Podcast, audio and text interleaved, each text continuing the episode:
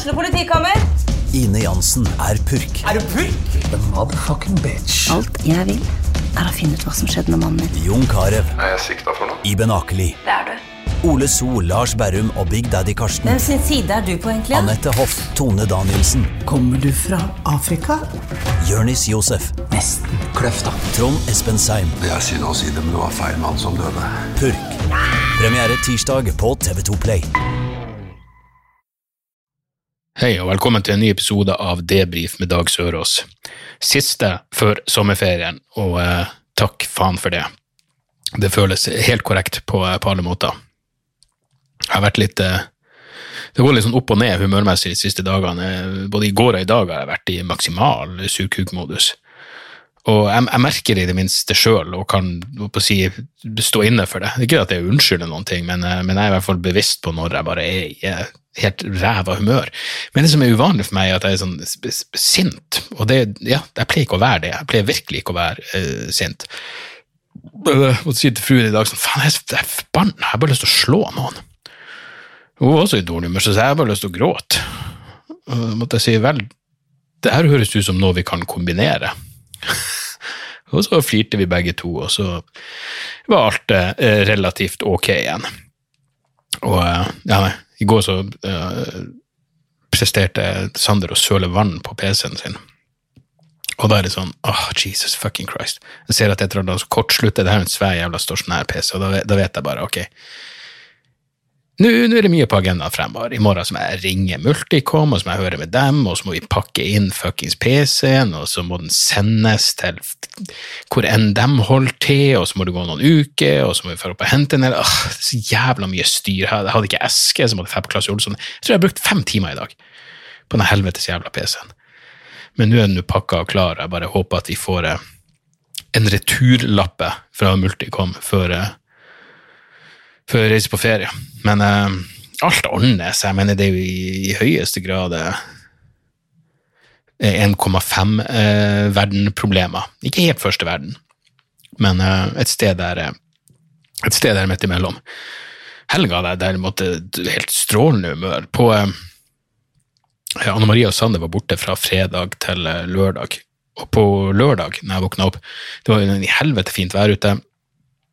Så jeg gikk med Mort i dag, jeg fikk unnagjort det der, og så satte jeg meg bare i, i sola på verandaen, smurte meg. Eh, solfaktor 20, som vel er vet faen, middels. Og der satt jeg i seks fuckings timer i sola. Drakk øl, leste bok og skrev eh, vitser, egentlig. Eller satt og tenkte på, tenkte på, på ting. Tenkte på fremtida og fortida og faen vet. Eh, jeg holdt på med en så jævla fascinerende bok om, som bare er eh, historie eh, sånn, det, de kaller deep history av arbeid. Konseptet arbeid og hva arbeid er, og hvordan definisjonen på arbeid har forandra seg opp gjennom tidene. Sykt interessant. Og så begynner jeg, liksom, eh, begynner jeg å tenke på vitser, og så begynner jeg å tenke på neste show, og så plutselig så tenker jeg faen, jeg tror jeg har tittelen, jeg tror jeg er ditt og datt, og så er det bare sånn nei, jeg tror bare du, er, tror bare du har drukket øl i seks timer i, i sola. Men jeg tror faen meg, jeg har utvikla en så jeg var sånn som, Hvis jeg satt i sola i en time, så ble jeg direkte sjuk. Jeg ble dårlig, jeg måtte legge meg nedpå. Jeg har virkelig utvikla en atskillig høyere, toleranse for, for varme. Jeg vet da faen, er det her en sånn evolusjonær adopsjon til global oppvarming? Eh, At man tilpasser seg en, en rævkjørt eh, planet? Jeg, jeg er usikker, men uh, jævlig digg var det i hvert fall. Eh, bare fordi det var så jævla avslappende, så det var så deilig ute, og i tillegg føltes det som hodet fungerte. Det var, det var, lørdagen var faen meg klassiker. Uh, Uansett, uh, ukas skål må vel gå til, til Island, som uh, Altså, det var rett og slett feil overskrift eh, på, hos BBC og E24, som egentlig bare har skrevet av den BBC-artikkelen, men Overskrifta på E24 islendingene jobber mindre etter vellykka forsøk med firedagersuke. Og det høres jo helt fantastisk ut. Flere år lange forsøk med firedagersuke på Island var en enorm suksess og førte til at svært mange nå jobber mindre, heter det i en rapport. Fantastisk. Perfekt. Og eh, det, her, det, det her eksperimentet foregikk mellom 2015 og 2019, og det var 2500 mennesker som utgjør 1% av arbeidsstyrken i Island. Um, og mange har i etterkant gått over til ordninga permanent. Jeg mener det sto at så mye som 86% av, av islendinger kan faktisk gå over til det her med, med kortere arbeidsuke. Og det er kun eh, produktivitet og mentalt helsemessig bare positive effekter. Men det er jo ikke ei fuckings firedagersuke. I selve studien så står det jo at de har gått ned fra, fra eh, eh Jeg går ut fra det 40 timer i uka. Selv om noen påstår at de, de jobber nitimersdager. Eh, jeg så det i kommentarfeltet at noen skrev at islendinger jobber ni timer om dagen i snitt. Jeg vet da faen. Men uansett, det er ikke en firedagersuke. De har gått ned fra, eh, til 35-36 timer i uka, så rett og slett kortere arbeidsdager. Uh, men det høres mer fancy og finere og, og mer oppløftende ut med firedagersuke, absolutt. Og det er klart, det er vel ingen grunn til at man egentlig kan gjøre det om til ei firedagersuke i, i stedet. Jeg, jeg vet da faen om det her er flisespikkeri, men det, jeg tror ikke det å kalle det firedagersuke stemmer. Men det høres ut som et helt uh, nydelig konsept. Jeg mener, jeg ligger jo på ei stabil firetimersuke. Uh, så, så, for meg er det jo ikke så jævla nøye. Men fruen var sånn Island, ja, vi har vært der, og det er hyggelig på Island, men, men faen, altså, kan ikke begynne å flytte dit. Og så viser det seg at de driver og, og, prøver, har det samme eksperimentet eller forsøkene i, i Spania, og det er jo uh, atskillig. Atskillig mer, mer fristende. Men uh, jeg, jeg, blir så glad for alt som Alt som bare handler om uh, å utnytte det faktum at vi har hatt produksjons, uh, altså produktivitetsmessig og teknologisk, og vi har hatt en sånn sinnssyk fremgang. At uh, den boka Når var det Keane sa det? 15 Hour Workweek. Den boka jeg holder på med, starter med John Maynard Keanes, som forutså Han er vel kanskje verdens mest berømte eh, økonom, som forutså at han trodde at vi ville ha ei 15 timers arbeidsuke nå. Jeg, jeg, lurer på, jeg lurer på om det var i 1930 han forutså det her. Um, men han mente liksom med, med økt produktivitet og, og, teknologisk utvikling så vil vi bare jobbe 15 timer i uka. Og så viser det seg at tvert imot, folk jobber mer. Uh, som er uh, ekstremt fuckings uh, paradoksalt. Men ja. Nei, så jeg vet ikke. Island er jo et, ja, et fascinerende jævla land. Jeg har bare vært der én gang og hadde vel et par show der. Men det var da da jeg husker etter showet, så eh, så sto han med noen sånne uh, islandske komikere, og så sto han på sendte en joint rundt, og så var det liksom midt i byen, midt på kvelden, så jeg var sånn, hvordan er det? Er det jeg visste ærlig talt ikke, er det lovlig her, eller ser politiet mellom fingrene, eller De var sånn, det er ikke noe politi her. Det, det høres jo fuckings helt nydelig ut, det er ikke noe politi her. Og jeg tror faen meg, jeg tror ikke det var så lenge etter at vi kom hjem fra den eh, lille islandsturen at uh, Politiet på Røykjavik eh, skøyt og drepte en, eh, en bankraner. Så de har politi der, det er bare det at politiet fokuserer på, på eh, ordentlig kriminalitet, ikke narkotikakriminalitet. Eh, mer om det senere, selvfølgelig. Eh, jeg bare prata så mye om Norsk Narkotikapolitiforening på denne podkasten at jeg tror jeg sparer det til slutt. Og så kan de av dere som ikke gidder mer, bare slå av utenom, men de, de, er jo fuckings eh, kreftsvulsten som fortsetter å gi, ikke sant? Det er jo stadig nye saker, det blir jo faen meg bare verre og verre. Men uh, jeg har fått et par mailer om det ufo- Uh, rapporten som uh, det var Pentagon om siden la frem. Og det var jo en gigantisk uh, Ikke overraskende for min del, men det var vel ikke så mye å hente. Nå har ikke jeg lest selve rapporten, men jeg har lest reportasjene i New York Times og hørt, hørt på et par podkaster om det. Og det viser jo ja, hva det var, 144 tilfeller hvor de ikke kan identifisere eh, fenomenet eller fartøyet eller hva enn det er. Og eh, ja, det, av, av, de Sånn som jeg forsto det, 144 tilfeller, 18 av de tilfellene er interessant, men det er bare én av de 144 tilfellene som er fullstendig forklart. Da var det en svær ballong. Men det jeg likte, var eh, skiftet av navn. Eh, fra ufo, altså uh, Unidentified Flying Object, til uh, unidentified aerial phenomenon. Som selvfølgelig Det ruller ikke av tunga like godt, men det høres uh, Det høres mer passende ut. fordi hvordan vet du at det er et flygende objekt du har sett? Det kan være et, et fenomen. Derfor liker jeg uh, ja, uh, den, den, nye UAP er absolutt et, et steg frem fra, fra, ufo. Selv om jeg er usikker på hvordan det er. Det blir spennende å se om det kommer til å catche an, om folk begynner å prate om UAP-fenomen. Uh, eller UAP-fenomen blir vel Det blir vel dobbelt opp. Nei, Gunne vet. Men um, ja. altså, det, det her blir en sånn klassisk ting hvor jeg bare venter. Hvis, hvis det viser seg å være noe, noe virkelig spooky eller uh, interessant i, i, de fenomenene, så, så, er det jo nok av folk som, som følger med på det. Men uh, ja, det virker bare så usannsynlig for meg at det skulle være noe jævla at det skulle være noe jævla romvesen. Men, men hvem vet? Hvem i faen vet? Um, gode nyheter denne uka. Donald Rumsfeldt eh, døde, uh, eller var forrige, forrige uke.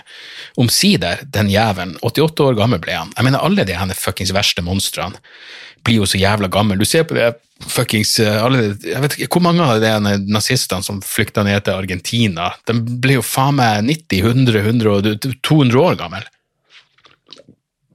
Så det å liksom være en høyreekstrem massemorder, det er bra for uh, bra for utholdenhet, da. Det, det, er helt sikkert. Men Rumsfeldt var jo Altså, eh, mitt sånn Min historie, holdt jeg på å si, om, om Donald Rumsfeldt var Jeg kan huske at det her må ha vært sommeren sommeren 2003 eller 2004. Eh, Irak-krigen var i hvert fall godt i gang. Mye takket være Donald Rumsfeldt, virkelig en av arkitektene bak angrepskrigen. Og så eh, drev han og hadde en eh, pressekonferanse på, på eh, CNN. Jeg kan huske at jeg var hjemme i Narvik på sommerferie. Og lå Jeg husker ikke om jeg var full eller bakfull. Jeg tror det her var på søndags Kanskje det var søndags ettermiddag, så søndags morgen lokal tid. Men jeg husker i hvert fall at det, det, altså det var en periode der, noen år, hvor det var så inn i helvete mye folk som blir drept, og, og på nyhetene daglig, hver jævla dag, så var det noen nye, noen nye angrep. Eh, amerikanske soldater som ble angrepet, amerikanske soldater som angrep alle eh, andre, eh, borgerkrigen som eh, eh, sek Sekterisk splittelse, rett og slett et helvetes jævla liv. Eh, et blodbad av dimensjoner. Man skulle tro at hvis man, hvis man liksom var en av de fremste ansvarlige for nevnte blodbad, så ville man kanskje kjent en fnugg av dårlig samvittighet. Men nei, der var Donald Rumsfeldt. Og jeg kan huske at det, det, Kontrasten var så stor fordi jeg, jeg, var nok bakfull, ikke full. fordi Jeg husker at jeg følte meg så jævlig. Jeg husker at det var eh, noe så uvanlig som eh, en varm sommerdag i Nord-Norge. Og jeg lå på mitt gamle, mitt gamle barndomsrom og så på denne pressekonferansen, og Donald Rumsfeldt var i så jævla godt humør. Han strålte, rett og slett. Jeg husker han var så solbrun. Så solbrun og så jævlig blid. Jeg husker jeg tenkte han er ikke fyllesyk i det hele tatt. Han har stått opp, han har dusja, han har fått seg en god frokost og morgenkaffe. Han er blid og brun, og livet smiler for Donald Rumsfeldt. Donald har en kjempedag. Og det her var bare så jævla paradoksalt, gitt de tingene han sto og prata om. For han sto selvfølgelig og løy om hvor fantastisk bra krigen gikk. Og når en nevnte ja, men hva med det angrepet, hva med alle de som ble drept, og hva med det, det, det ranet og den massakren, så var det bare sånn Slutt å tøve, alt går bra, alt er under kontroll, vi gjorde det rette. Alt kommer til å fuckings ordne seg i Irak.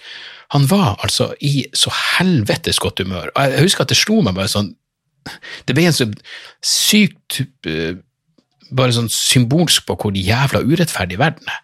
At han hadde det så bra.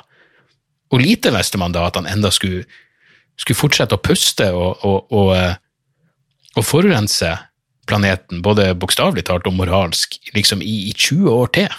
Helvete! Det, det er deprimerende å tenke på. En av virkelig de, de fremste torturforsvarerne. Det var det klassiske han sa, hvor eh, hvor han mente at hvorfor i faen er det tortur å måtte stå i fire timer? Jeg står på jobb i åtte timer. Det var sånn, Han, han sammenligna det, liksom, de stressposisjonene du blir satt i, sammenligna han med at han hadde en sånn stående skrivebord. Fantastisk. Og hvis dere ser, eh, der kan det være et av ukens tips, se Errol Morris, en eh, dokumentar, den heter uh, Known Unknowns, vil jeg tro. Errol Morris Rumsfeldt. Jeg tror den heter Known Unknowns. The Unknown Known eh, fra 2013. Dokumentar om Donald Rumsfeldt. Eh, og på coveret så står det bare Tagline er liksom Why is this man smiling? Jævlig godt spørsmål.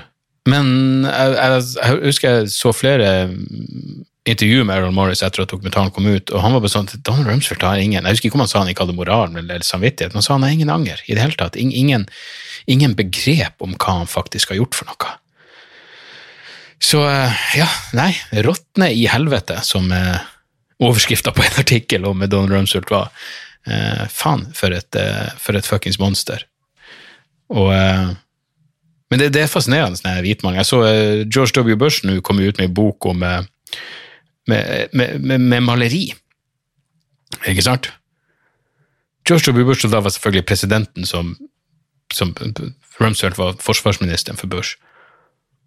Eh, Bush maler nå. Han maler immigranthistorie. Han, han lager portrett av, av immigranter. Og så er han på fuckings Jimmy Kimmel, og de sitter og, og flirer. Jeg mener, han er jo, etter, etter alle objektive kriterier, en helt horribel krigsforbryter. Som selvfølgelig burde, burde henges for det han gjorde. Men nå maler han, så nå er det greit. For det var angrepskrig først, og så maling. I motsetning til Hitler, som malte først, og så angrepskrig. Men ikke sant, nær historie, uff, det er så 2003. Drit i det, det er ikke så nøye. Det er ikke så jævla nøye. Det er, liksom, det, det er så deilig når du bare ikke trenger å forholde deg til de monstrøse tingene som Monster har gjort, og heller bare tenker sånn Nei, men se på han, han er jo blid, og han maler, hvor hyggelig. Det er sånn som Biden nå, han blir spurt på en pressekonferanse om Afghanistan. Ah, Biden sa følgende. Selvfølgelig sa han følgende, for det er det eneste han kunne si. Dette Det her var jo eh, samme helga som eh, 4. juli, nasjonaldagen i USA. Så han sa I want to talk about happy things, man. Jeg har ikke lyst til å snakke om Afghanistan, der vi har vært og kriga i 20 år. Jeg vil snakke om happy things, man. Jepp. Så da fikk han jo lov til det, selvfølgelig. Du kan ikke presse eh, folk og stille dem til ansvar for ting de har vært eh, de er direkte ansvarlig for. Det, det, det, det skulle tatt seg ut. Ellers var jeg på, eh, jeg var på eh, prøverøret forrige uke og testa ut noen nye tekster. og Det som var digg, var at det var to show på en kveld. Så du fikk liksom kjørt igjennom eh, ting et par ganger. Og så fikk jeg bytta en god del mellom showene, for det første showet var jo en fuckings dyrekirkegård. Jeg føler at folk bare stirra på meg. Og det andre showet var atskillig bedre, fordi ja, jeg hadde ting litt mer under huden, og jeg hadde litt mer, eh, jeg hadde perfekt promille, og eh, jeg fikk bytta ut litt ting. Men det som var gøy, var at bokstavelig talt, jeg mener sånn to minutter før jeg skulle på scenen, så var det en av komikerne backstage som sa at eh, Hei, har du fått med deg at Bill Cosby er sluppet ut? Og jeg bare fuck, kødder du? Og så er det sånn, hva faen skal man si om det? Så jeg sa det bare et eller annet som hva enn som datt, første som datt inn i hodet mitt. for jeg fikk, ja, nesten, Det var liksom rett før jeg skulle på scenen at jeg fikk vite det. Så tenkte jeg det er gøy å ta opp noe som publikum sikkert ikke har, eh, har fått med seg. Så jeg gjorde et spett forsøk på å få noe, noe, eh, noe, noe morsomt ut av det. Ta godt imot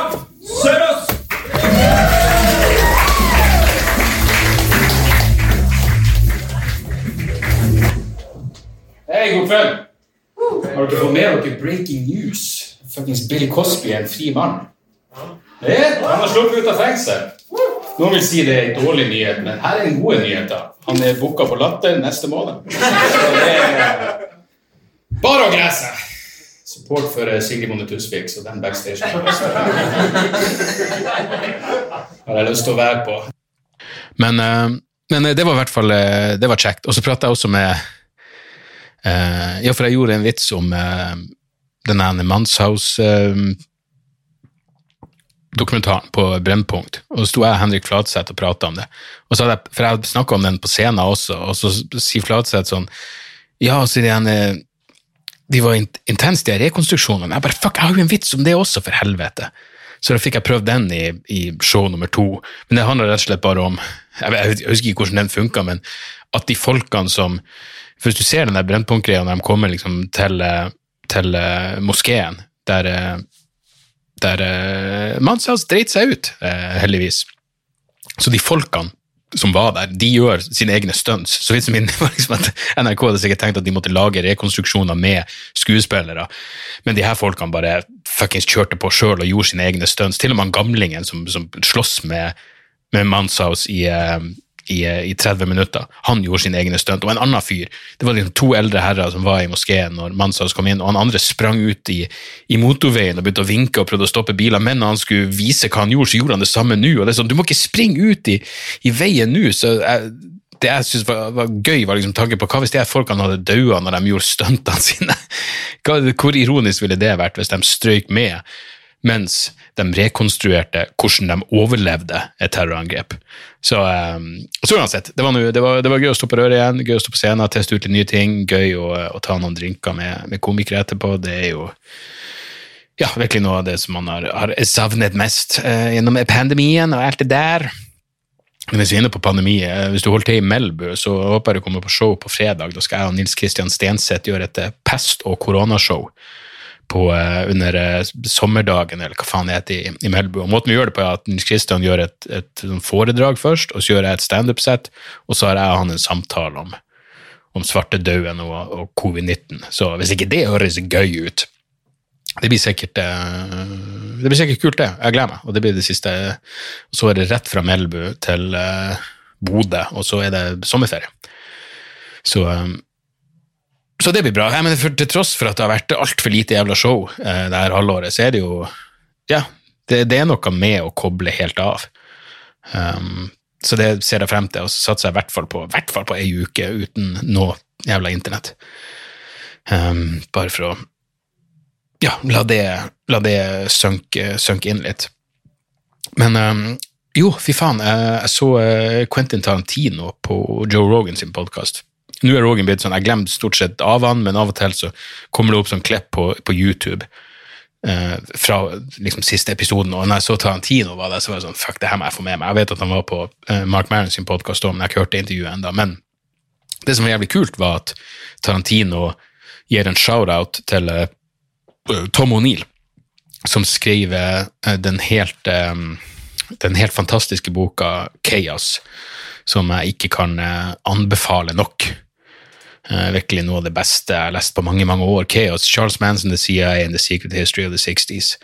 Som virkelig Det, det kan høres ut som en konspirasjonsteori, hele greia, at Charles Manson var involvert med, med CIA og det er så mye mener, det er så mye informasjon i den boka, og så mye som bare snur opp ned. Det du i hvert fall sitter igjen med, er helt overbevist om at, at den, eh, den eh, historien som eh, Vincent Bugliosi, altså påtalemakta mot Charles Manson, skrev om i Helter Skelter, som vel er den mestselgende true crime-boka gjennom tidene, er rent fuckings bullshit. Så Og Tarantino lagde jo Once Upon a Time in Hollywood, selvfølgelig, hvor, hvor Manson og Shan Tate og og, og, og, flere er, er, karakterer. Men han hadde lest Tom O'Neill-boka etter at filmen var ferdig, men så ville han snakke med Tom O'Neill, fordi nå har jo Tarantino skrevet bok, ja, gjort bok av eh, Once Upon a Time in Hollywood, som eh, jeg holder på med nå, som, som, virker helt, eh, helt nydelig. Faen, jeg elsker Tarantino. Det, det, var virkelig, ja, det var det som var det, det, jeg fikk mest ut av å se det intervjuet med han, var når, ja, når Rogan begynte å prate om første gangen han så Pulp Fiction første gang han så Reservoir Dogs. fordi jeg, jeg, jeg fikk med meg Tarantino fra 94, fordi jeg elska bandet som heter Machine Head, og Rob Flynn i Machine Head pleide å ha på seg Reservoir Dogs-T-skjorte på livekonserter. Og jeg var jo sånn superfanboy, så jeg måtte selvfølgelig finne ut Reservoir Dogs, hva faen er det? Men det her var jo før internett for meg, så jeg kunne ikke bare begynne å google ting. Men så fant jeg ut at det var en film, og så kjøpte jeg den på sånn dyr VHS, original amerikansk VHS via Sverige kosta jo sikkert 400-500 kroner. Og så var det bare sånn Fuck, denne filmen er jo helt jævla fantastisk. Først, første gangen jeg kan huske at jeg ble for Hvor gammel kunne jeg vært? 94, så da var jo jeg ja, hva var 14, kan jeg stemme? 16-18? Ja. ja jeg, jeg, var rundt 15 år, sikkert. Um, faen, jeg sliter med matten. Hvis jeg ble 20 i 98, så er jeg vel 16 i 94. Så ja, 16 år. Fuck, blir det rett? Jeg håper det blir rett. Uansett, rundt der. Eh, og jeg, kan huske at Reservoir Dogs var den første filmen jeg så hvor jeg ble så opphengt i dialogen, som liksom selvfølgelig er et av kjennemerkene til Tarantino. Nemlig det her med, med utrolig sånn dialog som du bare blir sugd inn i, og så er det sånn Fuck, har de prata i 20 minutter? Vel, jeg vil ha mer. Derfor er det så kult at han har gjort det i noveller novelle ut av Once Upon a Time in Hollywood. Men, men så Reservoir Dogs og selvfølgelig Pulp Fiction, og jeg, jeg kan enda huske den følelsen av av, av Pulp Fiction når, når uh, Bruce Willis går inn og sier ja, på den motorsykkelsjappa hvor han er en mafiabossen Hva faen var han het? Vi voldtatt, og har den gimpen der. Det var bare så mye crazy faenskap i den filmen at når jeg hørte på Tarantino prate om liksom, hvordan han ja, Helt fra starten av bare tenkte sånn Jeg må gjøre det jeg har lyst til å gjøre, nøyaktig sånn som jeg vil. Han nevnte at det var i den torturscena i, i Reservoir Dogs, det var filmselskapet, blant annet Harvey Weinstein og han som var gode venner. Um, de uh, var sånn, Hvis du bare fjerner den torturscenen hvor uh, Michael Madsen torturerer purken i, i Reservoir Dogs, så kommer den filmen til å ha pell blant alle folk. Men hvis du har med den torturscenen, så kommer det til å, å fremmedgjøre det kvinnelige publikummet. Og Tarantino var sånn, ja, det stemmer nok, men den skal fortsatt være med. Så uh, virkelig står på sitt, og det er derfor han er blitt en av de mest unike jævla Han er uten tvil min favoritt, uh, og jeg har jo sett filmene hans om igjen i løpet av pandemien. Um, satt faktisk og så The Hateful Eight igjen nå i helga. Faen så bra. Faen, alt han gjør, er jo ja, strålende. Så, uh, så det, det, var, det var litt sånn inspirerende. Eh, Det er synd, synd at Tarantino tydeligvis har bestemt seg for at eh, hans neste film blir den tiende, og det blir den siste filmen. Men han hinta til at eh, den filmen kanskje blir Kill Bill 3, og det hadde jo ikke vært dumt uh, i, det, i det hele tatt. Så uh, ja, nei, det var en, en fin liten flashback. Og også elskende holdningene som bare er sånn For de begynte å prate om at Bruce Lee blir jo fremstilt dårlig i Once Upon a Time. Og så, så var det liksom, så Rogan begynte selvfølgelig å spørre han om «Øy, har det vært kontroversielt, har du fått mye klager. Så han ja, jeg har fått klager fra familien til Bruce, Will, nei, til Bruce Lee, og de skjønner jo at de tar seg nær av det. Og alle andre kan fuck off. Og det er så 100% rette holdninger. Alle andre kan fuck off. Og eh, jeg bare forsvarer volden i filmene, og at uh, Jennifer Jason Lee får juling i The Hateful Eight. Så er han sånn, ja, hun får ikke juling fordi hun er dame, men hun er dame i den situasjonen, og da får hun juling. På samme måte som en mann ville fått juling i samme situasjon. Det er liksom, åh, jeg elsker det. Det er nærmest en sånn prinsipielt forsvar for bare ja, vold er gøy. Vold er fuckings underholdende. Mens her til lands har vi kunstnere mot ytringsfrihet. Enten det er fuckings forfatterforeninger, eller jeg husker ikke hva hun heter i farta, hun som trakk seg fra Ytringsfrihetskommisjonen fordi det var talerør for eh, hatpredikanter fra ytter høyre, og alt hun, alt hun hadde av konkrete eksempel var sløseriombudsmannen, at han var invitert med, for gud forby man har dialog med folk man er uenig med, som et ledd i ytringsfriheten. Og så eh, trekker hun seg, og så er det de som støtter henne, sånn det her var hun en varsler. Ja, hun en varsler. Hvorfor i faen stiller hun faen? Hvorfor, hvorfor, hvorfor kan han bare lese både i Aftenposten og Klassekampen at hun ikke besvarer henvendelser fra journalister? Hvis du er en fuckings varsler, så vil du få saken din ut der. Så det er ikke som om ikke Snowden og Chelsea, og Chelsea Manning har, har utnytta mulighetene til å fortelle sin side av saken. Så eh, ja, nei, bare hele den fadesen med den ytringsfrihetskommisjonen er jo eh, deprimerende jævlig, jævlig deprimerende. Og det er så mye sånn Det var, det var en, sak i avisa i dag om noen som reagerte på at det var en vinetikett med et bilde av et barn på. Det var vel bildet til ei lita jente. Det er sånn, ja, det, Som om det ikke er noe sammenheng mellom alkohol og barn. Det, kanskje den var det som en advarsel. ikke sant? Samme måte som de har svulster på røykpakkene, så setter de bilde av en unge på vinetiketten og sier sånn, pass deg. Pass på, for helvete. Erna har også vært på Erna er i gang med, med valgkampen. Jeg elsker den greia når hun eh, seiler forbi, eller eh, båter forbi eh, hytta til Støre. Så påpekte hun at nei, hun hadde ikke råd til Hun og Sindre eller Sondre, eller hva i faen han er, er lakeien av en gubbe hun har heter. De hadde ikke råd til ei sånn hytte. Og det er sånn, ja, Støre er vel en, ikke han en rik arving? Hva, hva er det hun egentlig sier for noe? At, at Støre er en riking? Hva det betyr? Bet sier hun at Støre vil føre høyrepolitikk? Samtidig så avslår hun Vedum fordi han allierer seg med venstresida. Men venstresida er jo større, da, men han er jo rik, så hva, hva er det egentlig du babler om? De, er, øh, de forsøkene på å være folkelig, enten det er fuckings Vedum eller folk på høyresida, eller Støre for den saks skyld, er så jævla flau. Kan du ikke bare være den du er?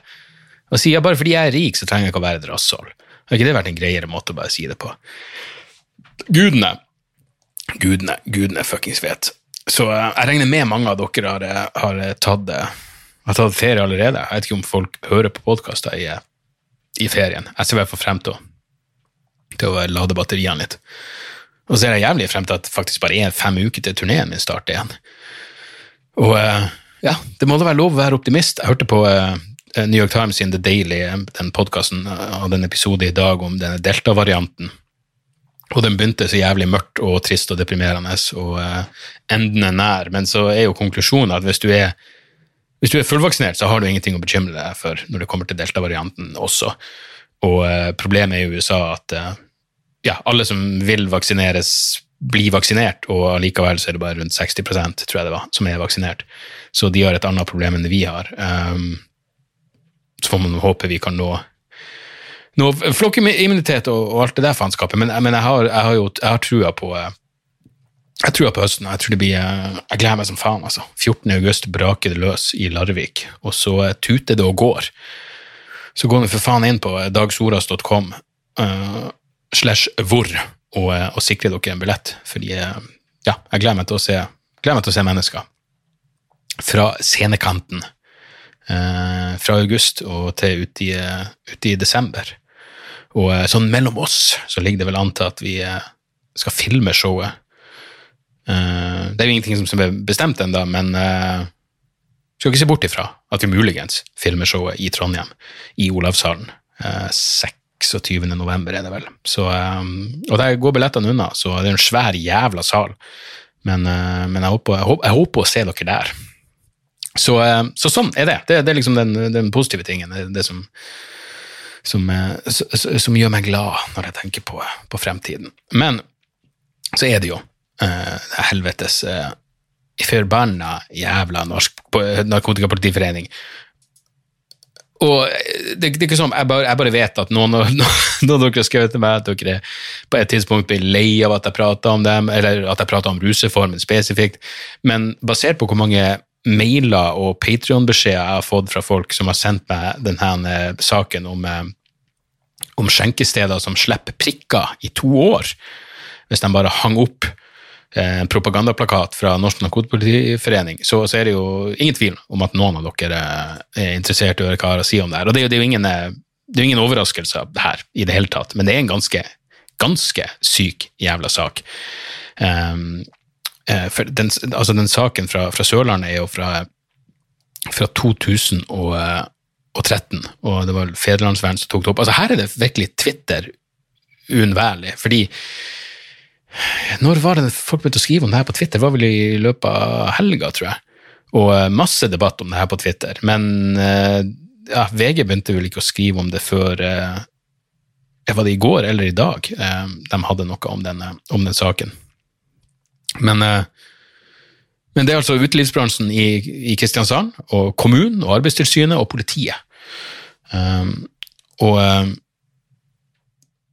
og den ja, plakaten, eller hva faen man skal kalle det, advarselen, er signert av Norsk Narkotikapartiforening og forplikter restauranter til å vise nulltoleranse overfor narkotika, samt avvise her, her er virkelig prikken over eh, avførings-i-en, samt avvise gjester som bærer klær og effekter med legaliseringssymbol.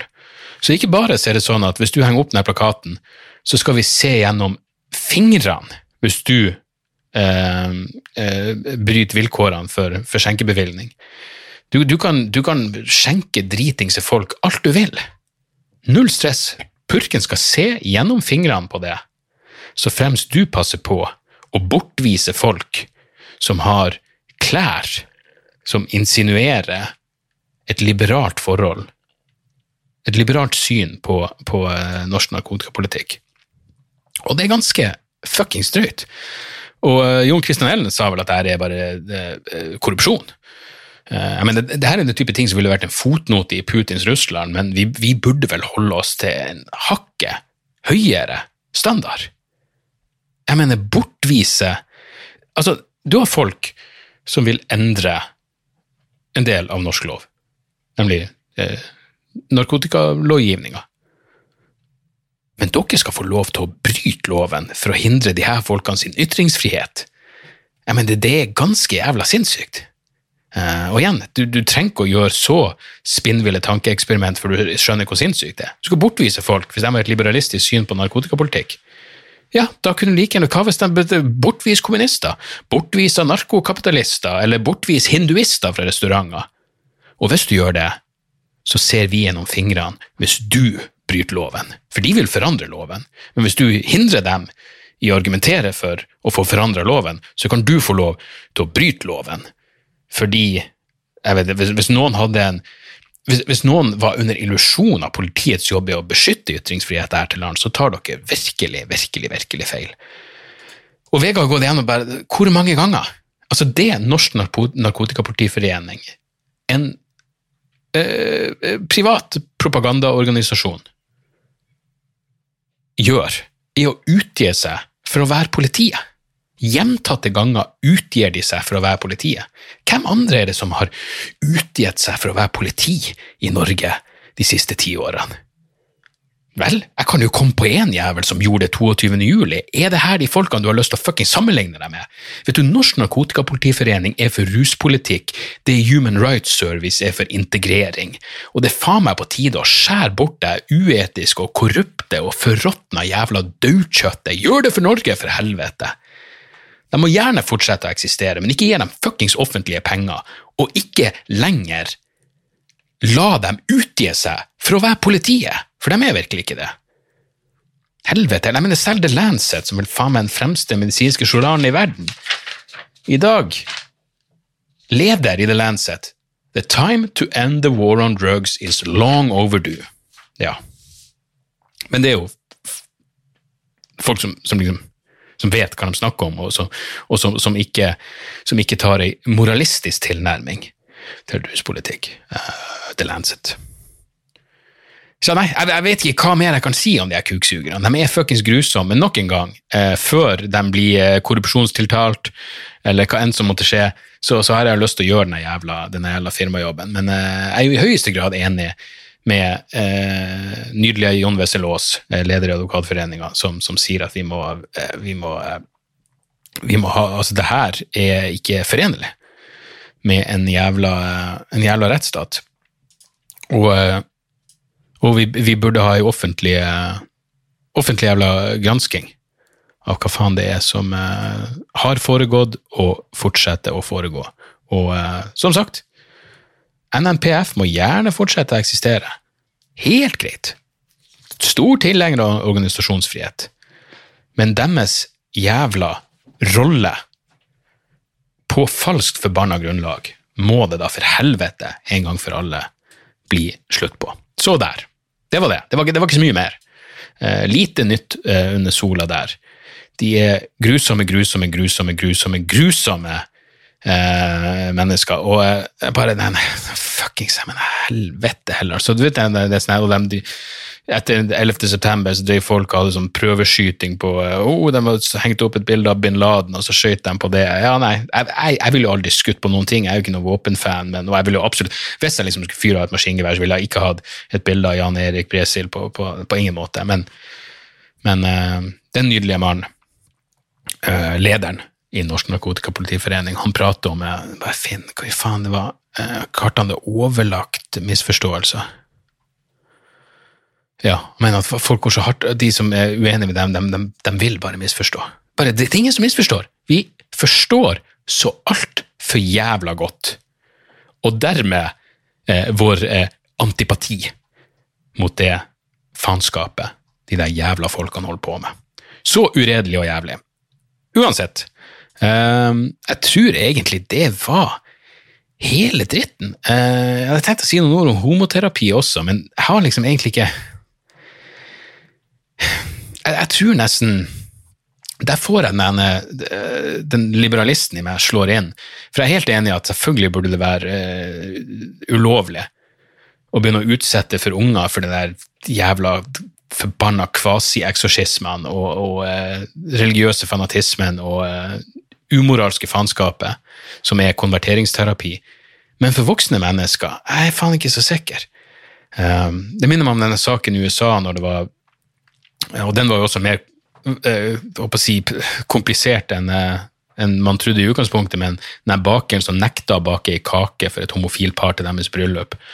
Og så viste det seg vel at de, det paret hadde de gikk spesifikt til ham fordi de visste at han ville ha et problem. Det var ikke som de ville få et problem med å få seg ei kake til, til, til bryllupet sitt, heldigvis, men de visste at han ville ha et problem med det, og de ville ha, de ville ha en sak av det og statuere et eksempel. Og så er det sånn, La han jo bare la være. La han jo si jeg, jeg vil ikke, det, det er hans fuckings butikk.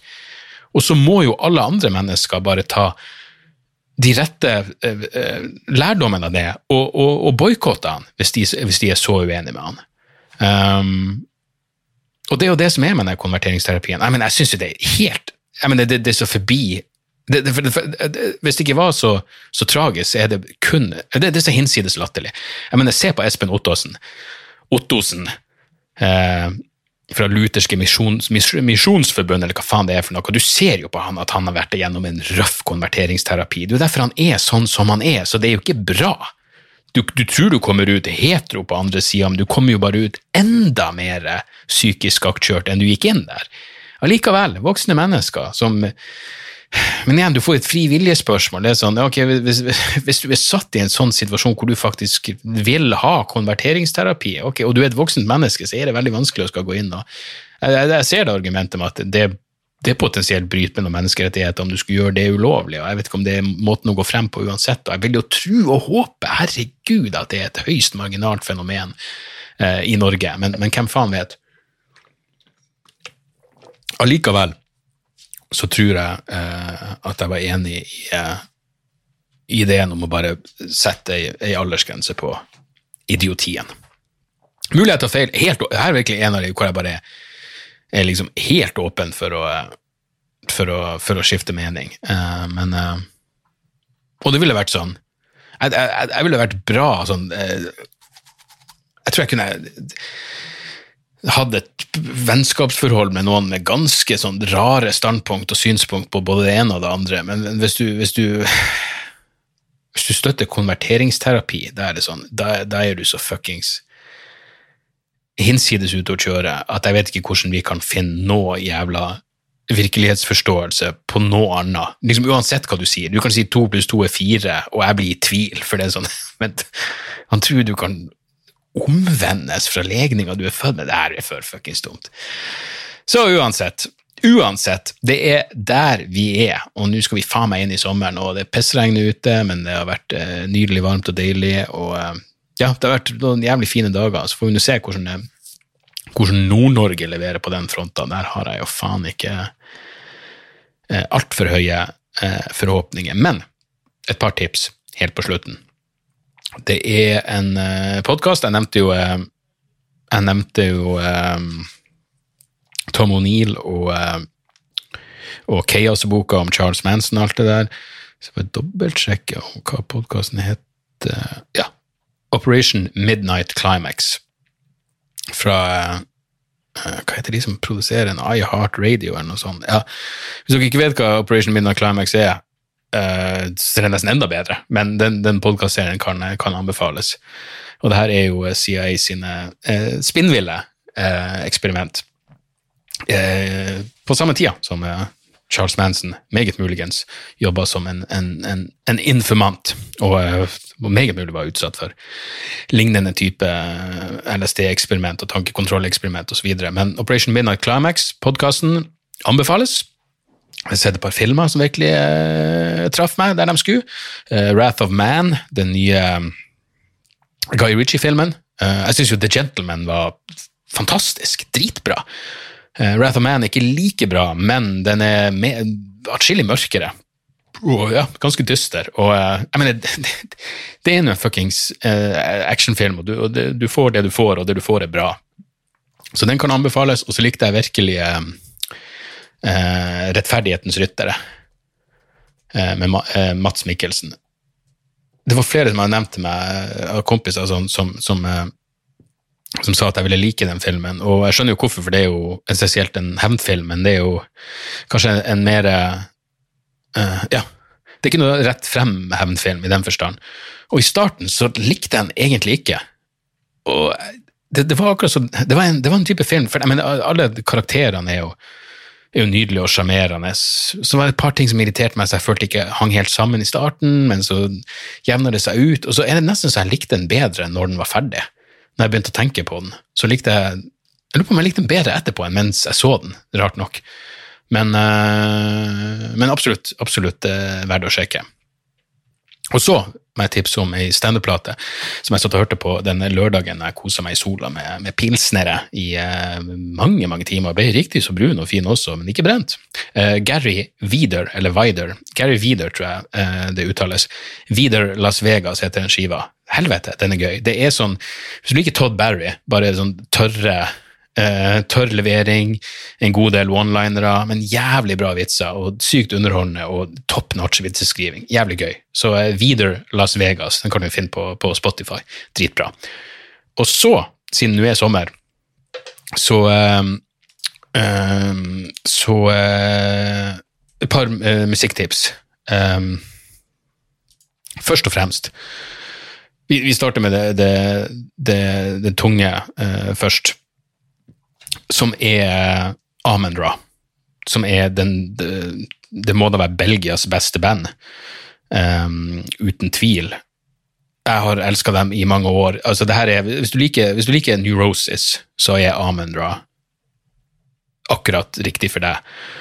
Uh, og den nye skiva heter um, Jeg er ikke helt sikker på, på uttalelsen, men The, Dawn. Det er altså D-O-O-R-N.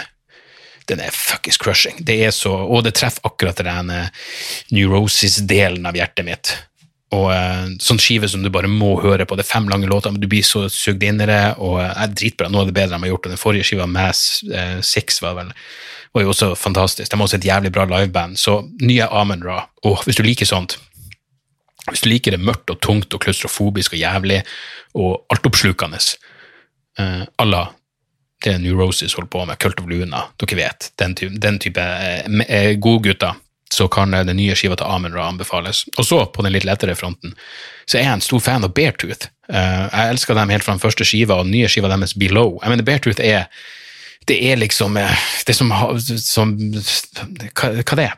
Punk og metal og hard rock, men, men det, er liksom, det, det er som biffsnadder. ikke sant? Det er veldig lett å like. Uh, det er enkelt, men det er umulig å mislike. Og så er det perfekt sommermusikk. Så, så den er sånn uh, Ja, helt nydelig. Eh, digger dem. Håper å få se dem live en gang. jævlig fet skive. Det, det, er så catchy og bra, og alt gjøres riktig, og det varer ikke for lenge. Så den nye Beartooth kan også anbefales. og så må jeg anbefale den nye Frøkedal-skiva som heter Flora. Nydelig. Altså, hvis du eh, hvis du, eh, hvis du drikker til Beartooth-skiva, så, så, kan du høre på Frøkedal dagen etterpå, når, når ting føles litt mer nedpå, og uh, du bare vil ledes, ledes inn i, i, skogen med nydelige melodier, og det er catchy og vakkert og fint. og ja, Veldig, veldig veldig bra. Jeg husker jeg så dem live på den forrige skiva, det var også uh, dritbra. Så Flora av Frøkedal. Da tror jeg liksom du har, du har det tunge, det klaustrofobiske, det eksistensielle, det tunge, det jævlige med Amenra, og så har du lette og catchy og rocka, og Beartooth er sånn som jeg elsker å høre på før jeg skal på scenen. For du, du, kommer liksom rett inn i det. Jeg mener, Fra første gang du hører gjennom den skiva, så er det sånn ok, jeg digger det her. Og så, uh, og, så, uh, og så, kan du høre på Frøkedalen når du bare vil være litt bakpå og filosofere litt over tingenes tilstand. Så, så, der. Jeg tror det var, var, det vi hadde for denne første halvdelen av 2021. Som sagt, så fra, fra august av så blir jeg å utvide podkasten mitt. Det blir um, I stedet for fire episoder i måneden, så blir det vel seks episoder i måneden, etter planen. Hvorav to av dem kommer til å være samtaler med interessante skapninger av diverse former. Og eh, de som eh, er medlem på Patrion, de får de to første samtalene med Dag Hareide og Jonas Kinge Bergland. De får dem i løpet av eh, i løpet av, ja, De får den første på, nå på fredag, og så får de den andre to uker etterpå. Så, så de på Patrion får litt i løpet av, av, sommeren, som takk for at de er nydelige mennesker og, og medlemmer der. Og så får dere resten av Vanlige dødelige. Dere får de episodene ja, på, på, i løpet av august-september en eller annen gang. Så der. Viktigste uansett, fuckings turné til høsten. Vrangforestilling. Eh, jeg, skal, eh, jeg skal overalt. Og eh, ja, jeg, jeg, håper å se dere der ute. La meg dra igjennom det. Det er jo fuckings det er sommeren du. Hva er stresset? Uh, jeg skal til Larvik 14. august, så skal jeg til Stavanger, jeg skal til Skien, Alta, Hammerfest, Bergen, Oslo, Ski, Drammen, Haugesund, Brønnøysund, Sandnessjøen, Moss, Hønefoss, Kristiansand, Jessheim, Fredrikstad, Ålesund, Ulsteinvik, Rognan, Bodø, Vadsø, Kirkenes, Tromsø, Finnsnes, Mo i Rana, Trondheim, Molde, Molde, Harstad og Sortland. Jeg gleder meg som faen. Det kommer til å bli helt konge. Ha en nydelig sommer, fortreffelige mennesker, og så, eh, så håper jeg vi eh, Vi høres igjen om, eh, om tre ukers tid. Så der, så. God sommer, og tjo og motherfuckings hei. Moderne media. Da er det reklametid, og ukens annonsør er fiken. Hør her, jeg, jeg, jeg, avskyr. Ordet regnskap eh, gir meg assosiasjoner som er uhyggelige. Det får meg til å tenke på andre uhyggelige ord som ettersyn og underlivsundersøkelse.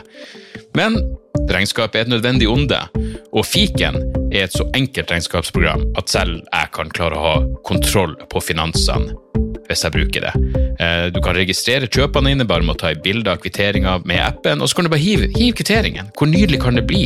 Og Fiken forholder seg også til regnskap med overkommelige ord. Det er ikke masse overkomplisert økonomisk terminologi. De kaller det kjøp og salg i stedet for hva enn de kaller det på BI.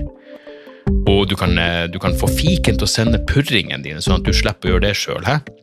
Slipper du de flaue øyeblikkene hvor du må skrive 'unnskyld meg, men det står noe utestående her, kan du fikse det fortest mulig', eller må jeg sende, sende mafiaen etter deg? Nei, fiken fikser det der, så kan du skylde på algoritmene. Du slipper dårlig stemning.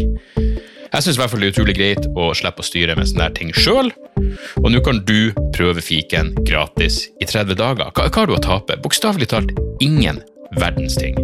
Så gå inn på fiken.no og prøv fiken gratis i 30 dager. Ok? Det var det så vanskelig.